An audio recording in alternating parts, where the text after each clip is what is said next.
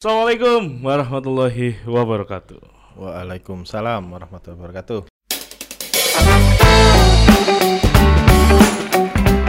Di season kali ini saya kedatangan tamu tokoh asli Jombang.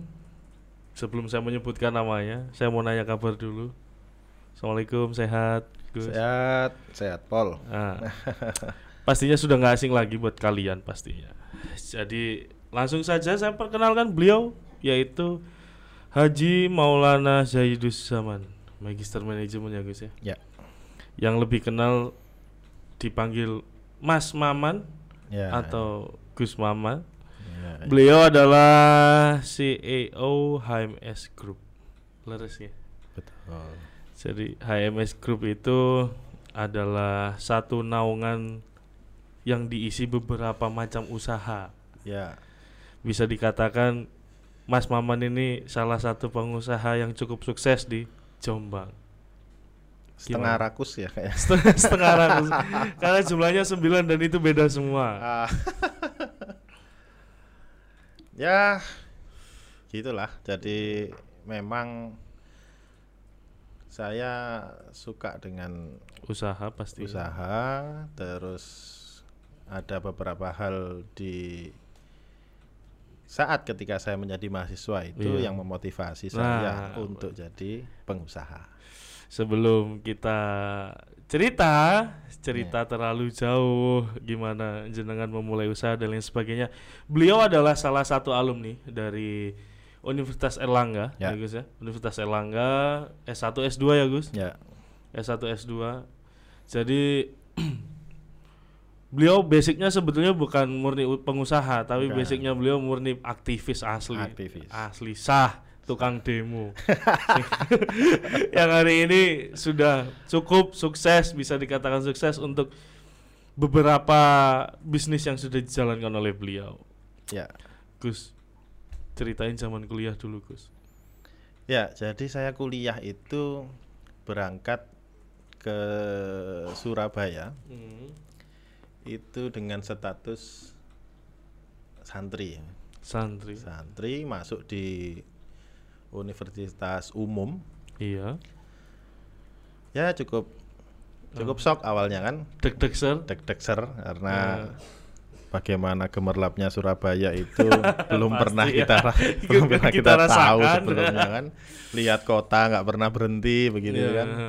Terus kemudian saya untuk mengisi mengisi waktu, Iya. terus kemudian belajar di ekstra kampus Iya. itu saya aktif di organisasi dan Organisasi. baik itu ekstra kampus maupun intra kampus. Jadi lumayan aktif juga ya di organisasi Gus ya. Iya, iya. Tapi untuk ini Gus, sebelum kita mendengarkan cerita dari jenengan perihal masalah peraktivisan jenengan itu Ya. Start untuk menjadi pengusaha itu apa coba atau bahwasanya itu awal mulanya hanya sebatas coba-coba itu di zaman apa? Zaman kuliah juga sama. Zaman kuliah. Jadi lucu, lucu. Jadi ini kalau ngomong background organisasi ya. Iya. Keluarga saya ini ayah, ibu, Eh. pure PMI. Iya, iya. Lo jelas, pure PMI. Iya, ayah PMI. saya PMI, ibu saya PMI. Kayaknya ada keliru ini. Ya. Iya, iya. Kok untung masih masuk kakak itu?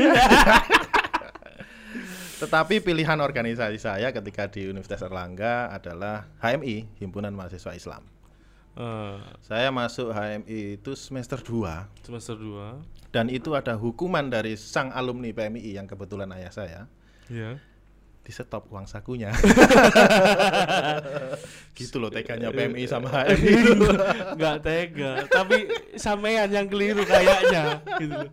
karena udah sanatnya jelas kok malah dibelokin gitu Betul kan? jadi ya jadi itu awal mula saya tidak menerima uang saku dari orang tua iya sehingga saya harus putar otak untuk bayar SPP ya kebetulan waktu itu SPP-nya juga masih masih terjangkau ya Masih masih, bisa terjangkau, dikejar tapi iya. kalau UKT zaman sekarang saya kurang tahu juga Iya. apakah saya bisa apa enggak terus kemudian untuk kos-kosan juga Iya. saya karena nggak ada pemasukan jadi Ah. ya saya harus aktif di organisasi untuk bisa tidur di sekretariat Iya. Untuk ini apa?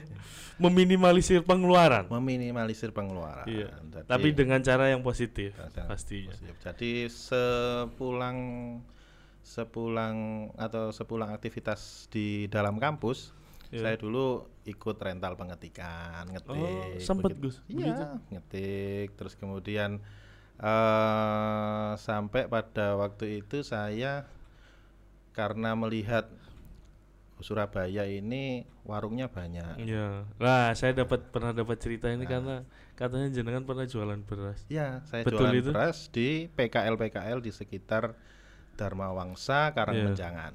Nggak malu ya Gus ya? Pada waktu itu. Pasti ini kan Iya, malunya kalah Mas? sama lapar. Oh iya iya iya iya.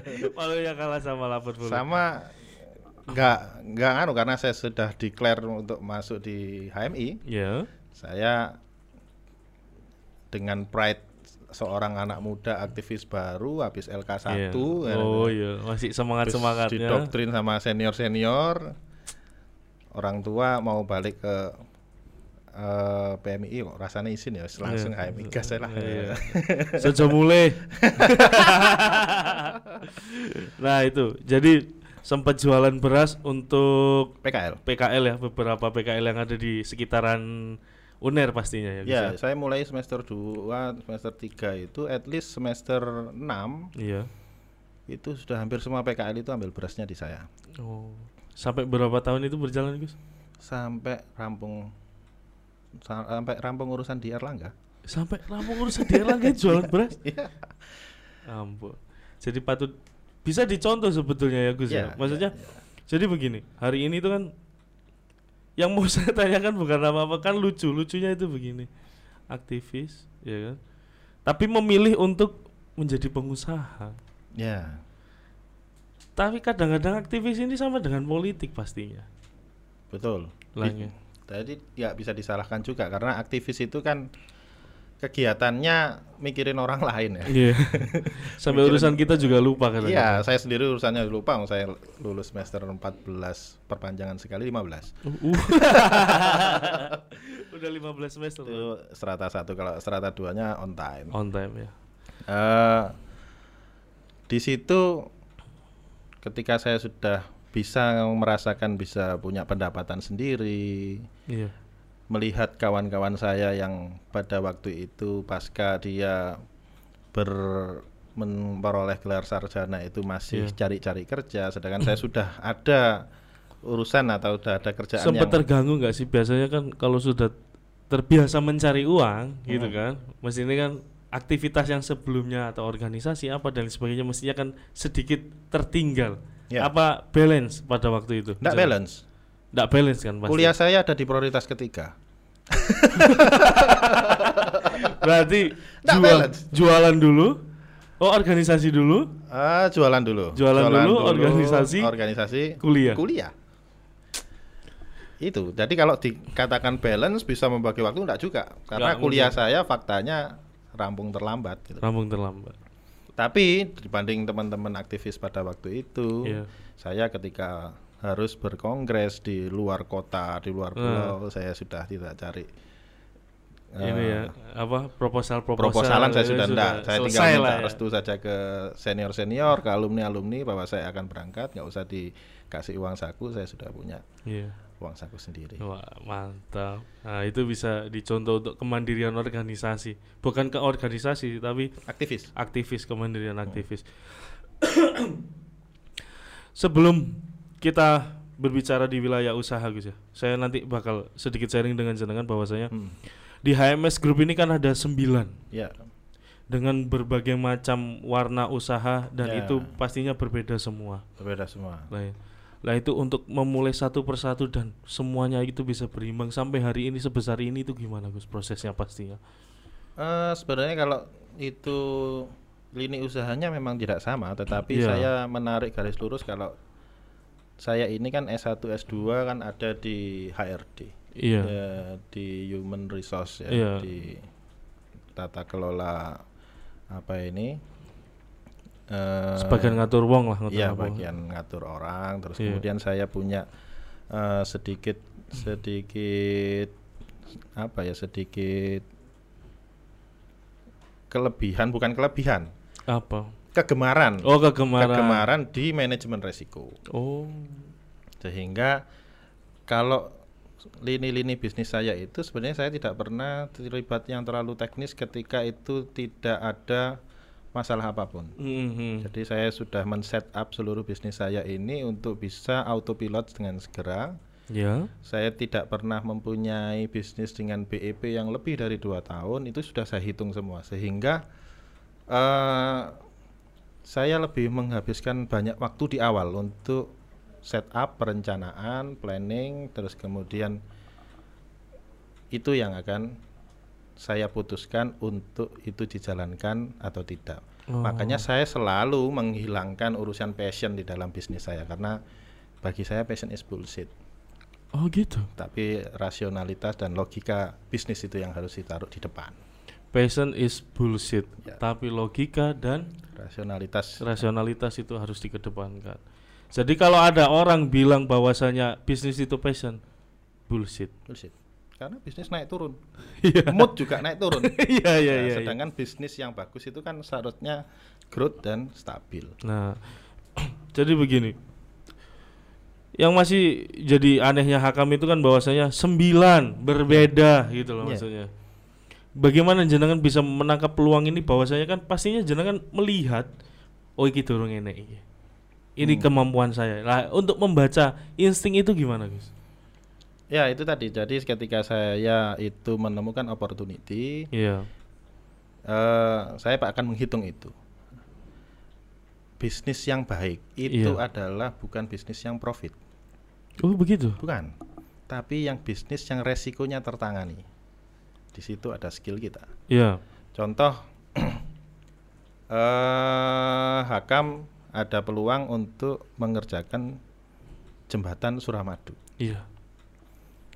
Ada resiko Ada. pasti. Tapi resiko itu kalau bisa tertangani, Hakam pasti akan bisa ambil opportunity itu.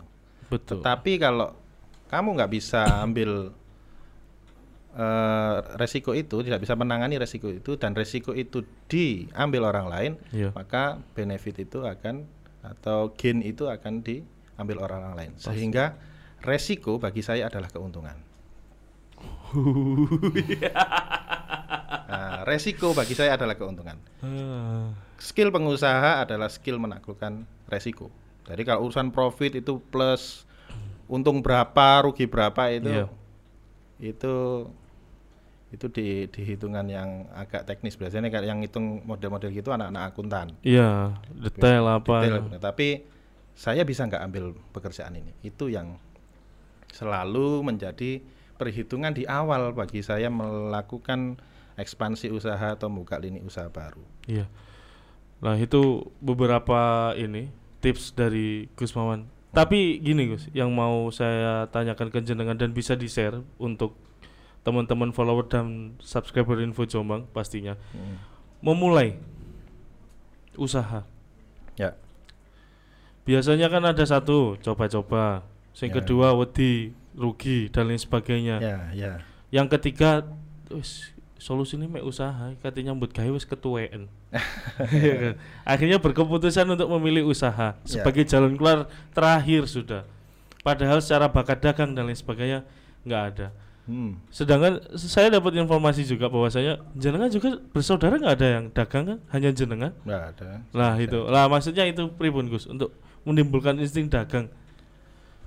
eh itu tadi. eh saya selalu bermain dengan hitung-hitungan di awal. Iya. Sehingga ambil atau tidak, take atau enggak itu keputusan itu yang akan berdampak ke belakang secara signifikan. Wah, eh bagaimana mulai sebuah bisnis saya akan awali dengan bagaimana selalu berpikir positif. Itu penting karena kalau dasarnya itu orang itu punya pikiran yang selalu negatif, pesimis pasti jud- judulnya. Akhirnya pasti pesimis. Pikiran negatif itu muncul. ketika muncul buahnya adalah pesimis.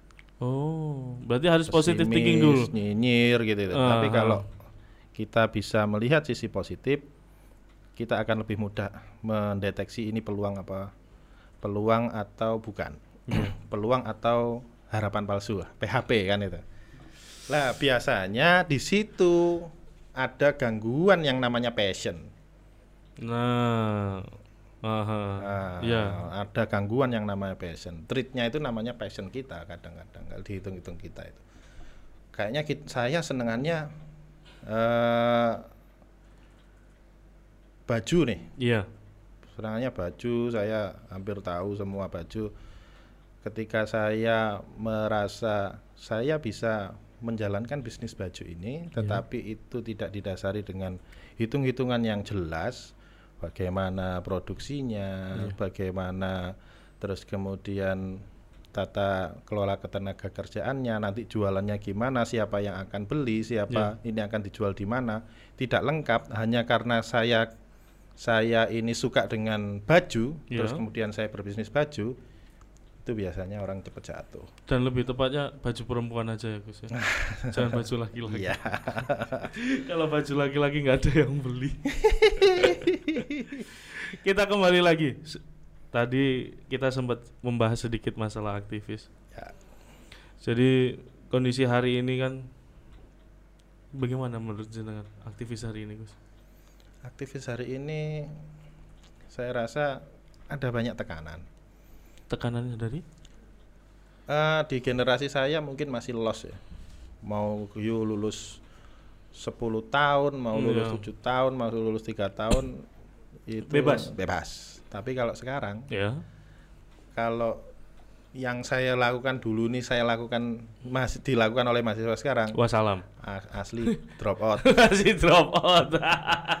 dan itu pasti akan mengganggu kan Iya. mengganggu siklus hidup Siklus hidup.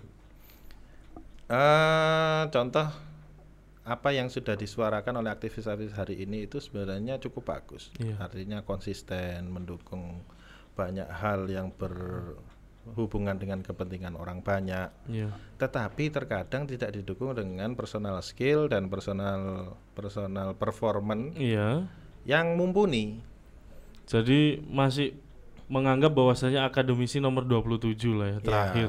Ya. Yang penting gagasik ning ngarepe Ya. kantor DPRD gitu kan. Ya, akhirnya ketika dia nanti akan menampilkan dirinya, dia hanya berharap backing-backing politik, backing-backing pernah kenal dengan orang dalam, Iya. yang itu tidak diimbangi dengan personal performance yang bagus. Iya. Padahal, kebetulan saya juga aktif di PBNU, Iya, iya.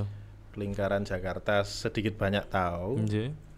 mereka yang ngisi posisi-posisi strategis di kementerian, Iya. di lingkungan KSP, di eh, staf sus staf sus yang ada, Iya. semuanya lulusan luar negeri. Tapi ini otokritik buat organisasi yang pernah membesarkan saya di. Iya. Anak atau eh, anak selevel PB, Iya. pengurus pusat Iya. yang TOEFL-nya mampu menjangkau standarisasi luar negeri untuk bisa ke sana hampir minim. Dan saya rasa di ormek ormek-ormek yang lain juga sama. Iya. Berarti apa? Masih nyaman. Eh, iya, keasikan nyangkul langit kayaknya. Jadi gini, kita kita putar lagi Gus ya. Iya. Bahwasanya kan kalau di zaman pastinya sekalibernya saya gitu. Ya, secara beraktivis bahwasanya pada waktu itu kan saya hanya berpikir bagaimana caranya saya bisa memperbaiki kualitas diri dengan Betul. ikut organisasi ya. kan semacam itu Hmm. tapi terkadang sudah ada di dalamnya ini sudah terlalu nyaman bahwasanya keluarga kita ini cuman ini gitu loh jadi benar-benar untuk mendobrak comfort zone ini gimana bahwasanya kita biar bisa berpikirnya out of the booknya itu loh maksudnya kan Iya. jarang akhirnya kan Betul.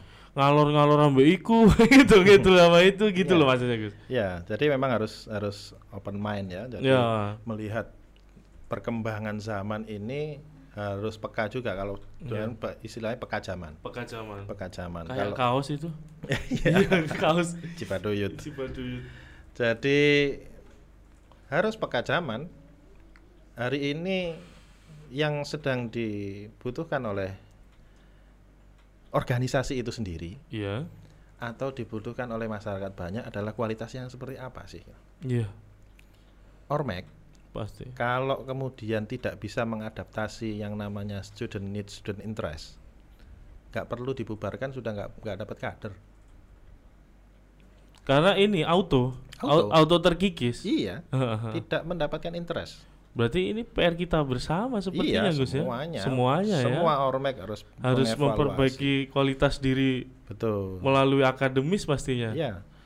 Bahkan jenjang jenjang struktural itu sekarang ya agak susah untuk sampai pengurus pusat Iya.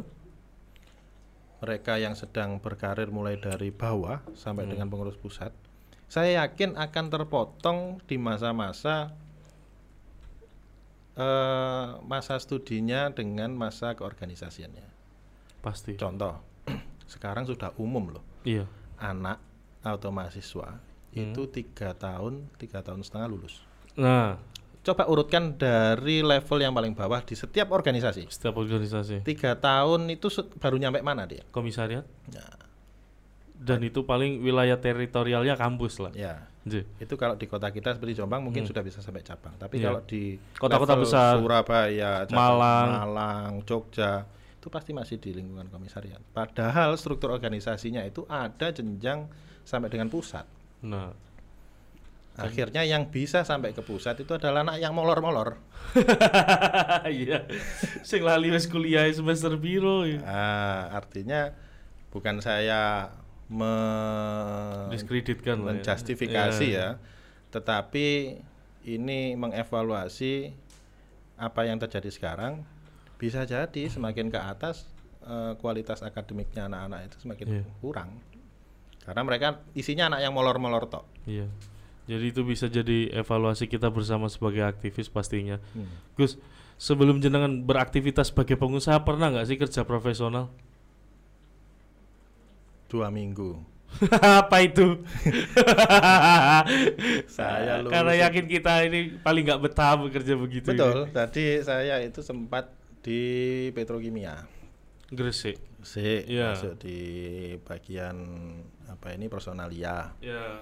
Ada rekrutmen, rekrutmennya itu kurang lebih ada sekitar tujuh bulanan gitu. Ya. Masuk training, eh, saya keterima training. Terus setelah itu masuk pertama itu kurang lebih cuma 13 hari saya mengajukan resign. Karena ya ndak ndak ndak cocok. Tapi sempat ada ini nggak? Maksudnya pertentangan dari keluarga, dari ayah atau ibu pada waktu itu. Bener-bener enak dek Petro kok malah metu iki piye karepe. Ada lah. Ada lah, mereka kan mereka kan masih anu kalau orang tua saya kan masih konservatif ya. Iya. Setelah sarjana ya kerja gitu. Iya, iya. Padahal saya punya pekerjaan lain, pekerjaan sendiri yang yang yang sudah menghabiskan waktu gitu. Ya, sangat menghabiskan waktu pastinya. Ya. Jadi itu selama tiga minggu akhirnya off. Oh, Ah pasca itu langsung membuka usaha apa pertama untuk terjun di wilayah profesionalisme usaha. murni profesional ketika saya menjadi vendor resmi dari Pertamina. Yang ini apa? Peki Peki gas, Transport, transport. ya. ya. Itu murni profesional. Jadi Iya. saya sudah eh, secara kelembagaan perusahaan itu sudah semuanya sudah Oke. Oke, Semua. perpajakan juga sudah pem- pemberkasan staf dan admin juga sudah sudah oke. Jadi itu awal murni jadi menjelang menjelang skripsi Tahun 2000 eh enggak 2000 itu 9 berapa? 2008. Malah 2008. 2008 awal-awal LPG 3 kilo Oh. Sampai hari ini. sampai hari ini. Sampai hari ini. Langsung dari LPG 3 kilo atau Peki gas transport itu langsung ke merambah di wilayah mana? Untuk Eh, pengembangan usaha. Dari ke 99-nya. Biar Hakam juga tahu prosesnya dari gas pindah ke ini, pindah ke ini. Ya dari gas terus ada beberapa waktu itu saya juga buka eh briket bangkrut Iya. terus apa ini buka konveksi busana muslim rumah Maulina sampai Iya, sekarang. Sampai sekarang. Terus eh setelah itu buka apa ini Nu- Nusantara Pinilaya itu. Iya, Nusantara Winilaya. Nusantara Utama Pinilaya. Terus kemudian setelah itu eh ada Foodstock dan Agias Management. Us. Tapi kuncinya Kam sebenarnya Apa? Kam. Ini mungkin tips pribadi saya. Iya. Sebelum 30 on hold 1 miliar. Itu target pribadi saya pada waktu itu. Sebelum umur 30 Iya. harus on hold. Ya. Satu miliar. 1 miliar. Jadi 1 miliar pertama harus didapat sebelum usia 30. Waduh. Gimana itu cara dapetnya? Ya. itu. Semoga kita sama-sama bisa dapat itu lagi. Amin. Itu. amin. Tapi tapi itu bukan bukan ukuran, itu ukuran pribadi saya. Ukuran pribadi. Ada Colonel Sanders dengan KFC-nya yang masih baru usia berapa. Iya. Cuma bagi bagi saya pribadi Iya. kalau mau kasih semangat ke Anak-anak muda dulur-dulur pastinya. yang ingin berwirausaha Iya. secara paten gitu. Iya. Kalau bisa sukses before 13 on hold 1 miliar sebelum 30 tahun. Wuih. Jadi gini, saya juga sedikit dapat informasi perihal aktivitas jenengan selain sebagai aktivis dan pengusaha pastinya. Ya. Jadi apakah benar jenengan ini gemar main bola atau ngurus bola pastinya? Ya, salah satu hobi saya itu ya sepak bola. Sejak di pondok dulu. Yakin? Iya. Saya kok nggak yakin. Iya. Iya. Jadi ya tapi sepak bola ala kadarnya. Sepak bola Tidak- ala kadarnya. Tidak yang apa ini? Tidak yang serius gitu. Iya. Cuma kegemaran itu akhirnya juga eh, membawa saya itu juga ikut-ikut ngurusin bola. Oh gitu. Jadi Sempet. saya sampai sekarang saya masih punya, masih pegang SSB. Ah, untuk nan- manage. nanti dulu sebelum masalah Hmm. menginjak cerita pegang SSB. Jadi awal mula gemar mengelola sepak bola aja dulu. Karena seneng aja, Karena seneng ya. seneng hobi nonton Itu bola. apa tim apa Gus? macam-macam ya kalau di apa ini dulu ketika masih di kampus J. saya masuk di manajemen PON Jawa Timur Oh. saya masuk di manajemen Persebaya zaman saya yang ngajak saya ke mana-mana itu yang sekarang jadi eh, manajer di Madura United Mas Haruna Sumitro, Sumitro, iya, Ya, alumni Undar kebetulan beliau Oh. juga mahasiswanya bapak saya sehingga ketika saya di Surabaya saya main-main ke beliau diajak-ajak Iya. ngurusin bola karena saya seneng bola Iya.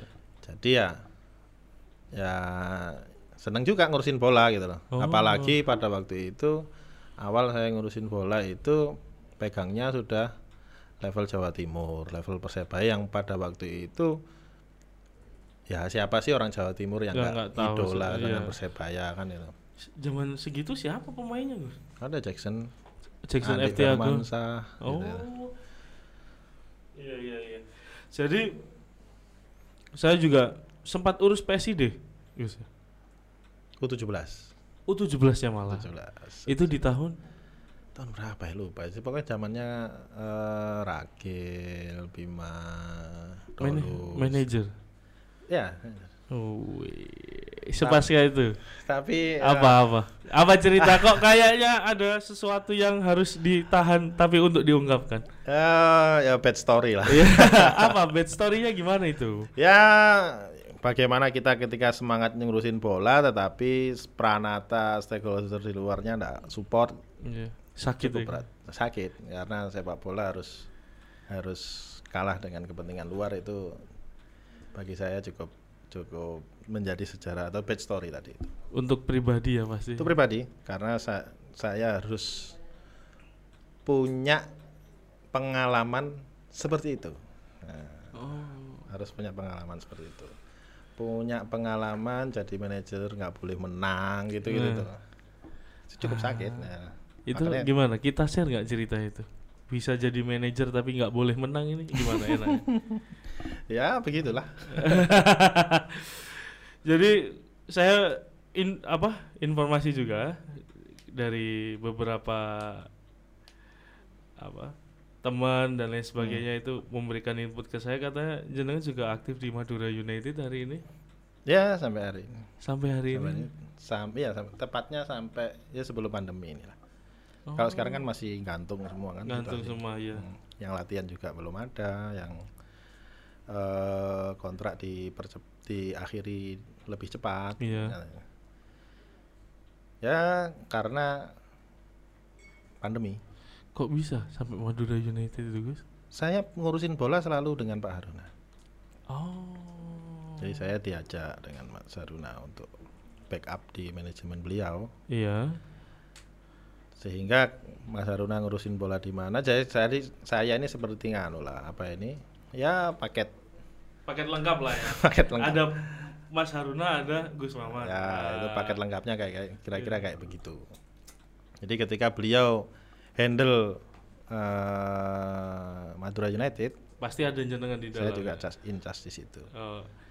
Kalau ngelihat sepak bola hari ini Gus, khususnya di wilayah Jombang, belum bisa dilihat sama sekali. ya jadi masih belum berubah ketika saya mendapatkan bad story seperti itu Jadi masih dengan lagu lama. Ya, lagu lama.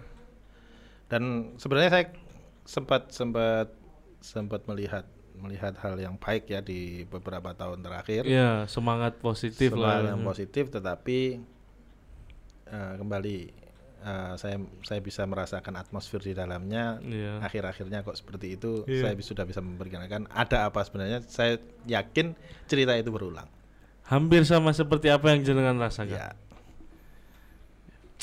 Nah, ini adalah salah satu rahasia yang sedikit terungkap. Iya Tapi menurut jenengan sangat bisa berkembang nggak sih? Oh, siapa? sangat bisa. Sangat bisa di Jombang ini di kelas usia, Iya. di kelas kelompok usia mulai dari 10 Iya. terus sampai dengan Suratin. Jombang ini eh, macan Jawa Timur, Bisa dibilang begitu. macan Jawa Timur. Dan ini ini seperti apa ya? Seperti seperti ya gudangnya pemain bola sebenarnya Jombang. Oh. Banyak pemain Jombang yang mengisi liga internal Persebaya, yang bermain di luar kota, Oh ya. yang bermain di klub-klub Liga 1, Liga Hmm. 2, di sesama Liga 3. Itu banyak pemain Jombang.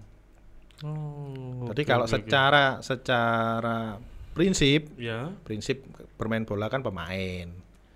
Itu kita nggak kalah. Kita nggak kalah. tapi kan nyatanya nggak ada. Ya, menang kalah sepak bola itu kan ada di papan skor. Nah, Yang saya sampaikan tadi adalah Iya. kualitas materinya tidak kalah, tapi di papan skornya kalah. Karena apa? Banyak hal. banyak hal. Bahkan pada waktu itu sekelas Lamongan, sekelas Surabaya lah. Surabaya level yang levelnya di bawah Persebaya waktu itu ada Surabaya Muda Hmm. itu juga top di level divisi 3 pada waktu itu Iya. terus Diri itu susah Lawan Jombang. lawan Jombang susah susah menang Harapan Gus buat sepak bola. Harapan Jombang. saya untuk sepak bola Jombang waduh ini kalau harapan- Sedikit ini sedikit mengulas cerita masa lalu kita. harapan sih ya kalau Jombang yang ada sekarang Iya. selama kita masih eh, belum punya misi profesional di dalam membangun klub, Iya. Saya menyarankan untuk bikin pemain yang bagus seperti yang ada sekarang, tapi dengan kualitas dan prasarana yang lebih memadai. Nah, itu. Supaya nanti bisa didengar bagi para pendengar dan follower Iya. dari dan subscriber Info Jombang. Jadi kalau nggak bisa bikin klub besar, bikin banyak pemain besar dari Jombang. Ah, itu cocok. Kita kembali lagi Gus Ya. untuk di wilayah usaha sebelum kita inilah sebelum kita close semuanya kan. Jadi pesan buat teman-teman generasi milenial yang sekarang merasa kebingungan nggak tahu harus mau ngapain ini Gus. Pastinya. Pasca kuliah bingung mantan aktivis. Kudu ya apa aku gak ngerti gitu. Meh gantung diri? Ya kan? Bahwasanya kan ya itu tadi yang akan bilang dari awal bahwasanya semua orang ini kan menggantungkan kenapa masuk di organisasi karena ingin memperbaiki kualitas diri. Ya. tapi terkadang menemukan jalannya ini kan cukup panjang Ya. gitu loh. Lah maksudnya dari pengalaman jenengan bahwasanya bisa berpikir di luar mindset kita malah jenengan untuk di bola, di usaha gitu kan. Ya. Yang memang di situ jarang ada beberapa aktivis yang masuk di dalam situ gitu loh. Ya. Nah, itu bagaimana Gus? Coba dikasih pesan atau kesan. Jadi pesan saya sih kepada semua generasi muda ya, Iya. untuk bisa lebih menempa dirinya. Hmm. Jadi spesialisasi itu penting. Oh. Kalau memang firmnya di pengusaha ya lakukan dan pertahankan. Jadi nggak boleh ini ya, apa enceh-enceh ya? Iya. Nek Harus teles teles plus. ya fight total itu itu gaya gaya yang harus dimiliki oleh para pemuda sekarang. Ah. Kalau memang di profesional sebagai karyawan, ya karyawan yang baik, yang berprestasi, yang bisa menjadi jagoan, bisa menjadi andalan perusahaannya untuk berkembang maju. Iya. Ketika dia menjadi politisi, juga menjadi politisi yang punya kapasitas, yang punya nilai tawar yang bagus, Iya. mampu merubah citra politik di mata rekan-rekannya. Minimal di di, di generasinya. Ah, iya. Sekarang politisi di generasi muda itu minor. Oh. Nah, sekarang dicek aja apa yang ada di kepala banyak orang Iya. atau di banyak generasi muda tentang seorang anggota dewan.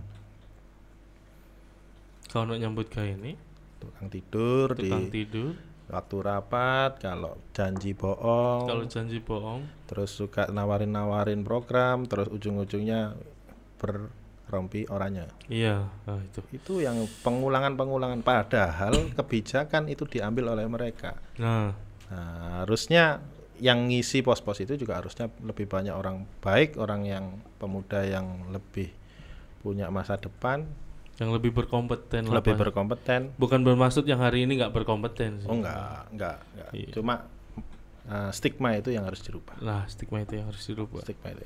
Nah, mungkin itu teman-teman follower dan subscriber Info Jombang. Buat kalian yang mau tanya dan kita mau kolaborasi perihal apa lagi, kalian bisa komen di kolom komentar YouTube atau Instagram kita, gitu ya Gus ya. Boleh. Mungkin itu kurang lebihnya mohon maaf ya Gus ya. Mohon- Terima kasih ya. Assalamualaikum warahmatullahi wabarakatuh. Waalaikumsalam warahmatullahi wabarakatuh.